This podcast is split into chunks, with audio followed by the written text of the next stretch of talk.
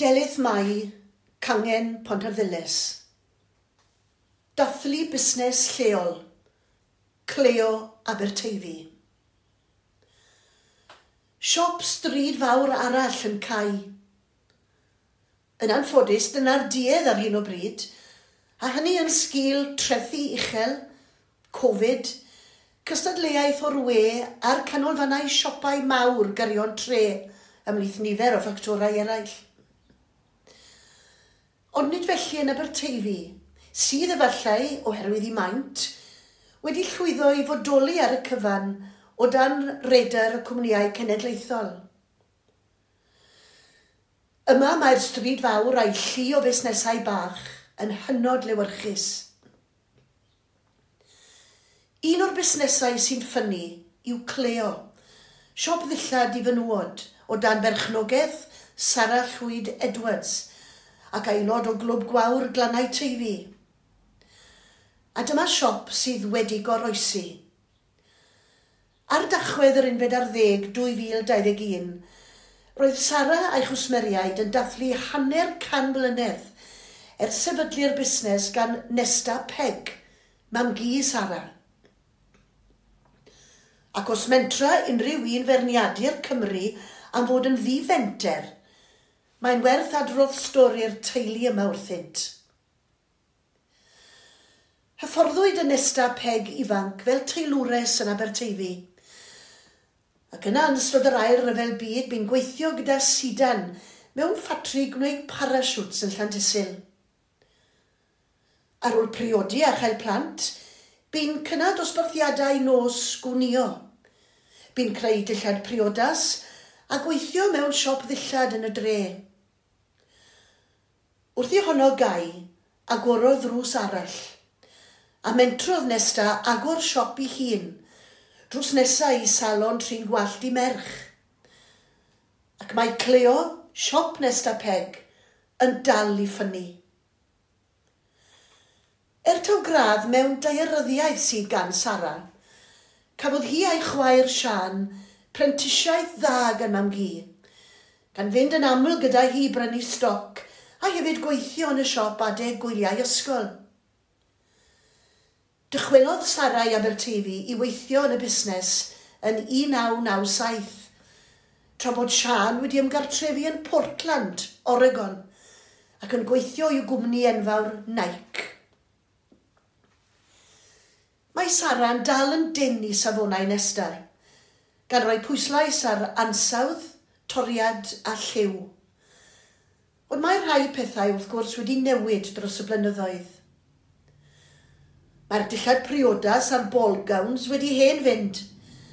Doedd yr heini ddim yn ddileit i fi, meddai Sara. Ac mae'n anodd prynu pethau i'r siop, di chi ddim yn lico.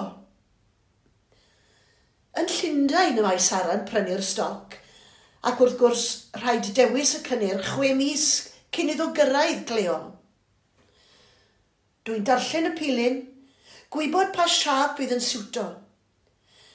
Mae dillad gogledd Ewrop yn gwerthu, ond dwi'n gwybod nad yw dillad gyda bathodynau ac air a deunydd sy'n sino yn apelio i'm cwsmeriau di yma.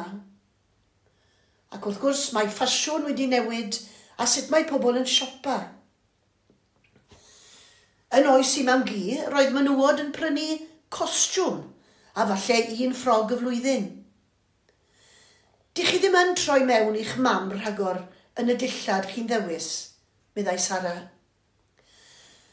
Mae'r siop yn llawn dillad lliwgar, maint deg i ugen, a rhai ategolion dethol.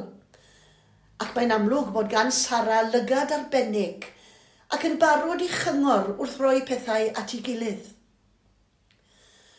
O edrych i'r dyfodol, dywedi bod yn ymwybodol iawn o'r angen i fod yn gynaliadwy – y dylai defnyddio llai o ddeunydd lapio, y dylai dillad fod o ansawdd a stael sy'n para ac wedi gwneud o ddefnyddiau naturiol. Ond mae'n cydnabod hefyd nad yw'r cwsmer eisiau dillad trwm yr oes a fi, a bod ychydig o leicra yma thraw o help. Ar y dydd y bu mi yn ymweld â'r siop fendigedig yma, roedd Elinor Evans – aelod o Ferched y Wawr Ffynon Groes, sydd wedi gweithio yma ers cyfnod Nesta Peg, yn cynorthwyo Sara. Yn ogystal â gweithio yn y siop dros y blynyddoedd, bu'n modelu'r dillad fel y dengys yn y llun, sy'n dysgu sut mae ffasiwn wedi newid. Bellach mae Sara yn modelu'r dillad ar y wefan wdriflig.cleo-of.com cardigan.co.uk.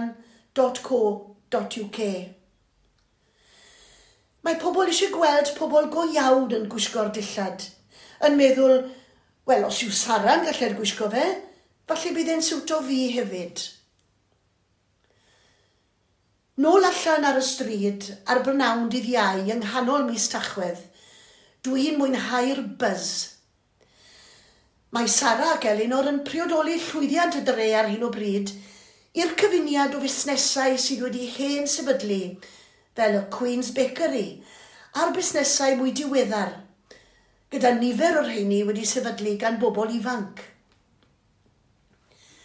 Mae'r dre wedi llwyddo denu nifer o bobl greadigol, a hynny ynghyd ag ail agor y castell, gwaith pedwar ec eg, sefydliad cydweithredol a sefydlwyd gan grŵp o bobl leol i hyrwyddo datblygiad cymunedol yr ardal, a'r busnesau bwyd fel Crwst a Cardigan Bay Brownies sy'n weithgar ar y cyfryngau cymdeithasol, yn gwneud Aberteifi yn gyrchfan.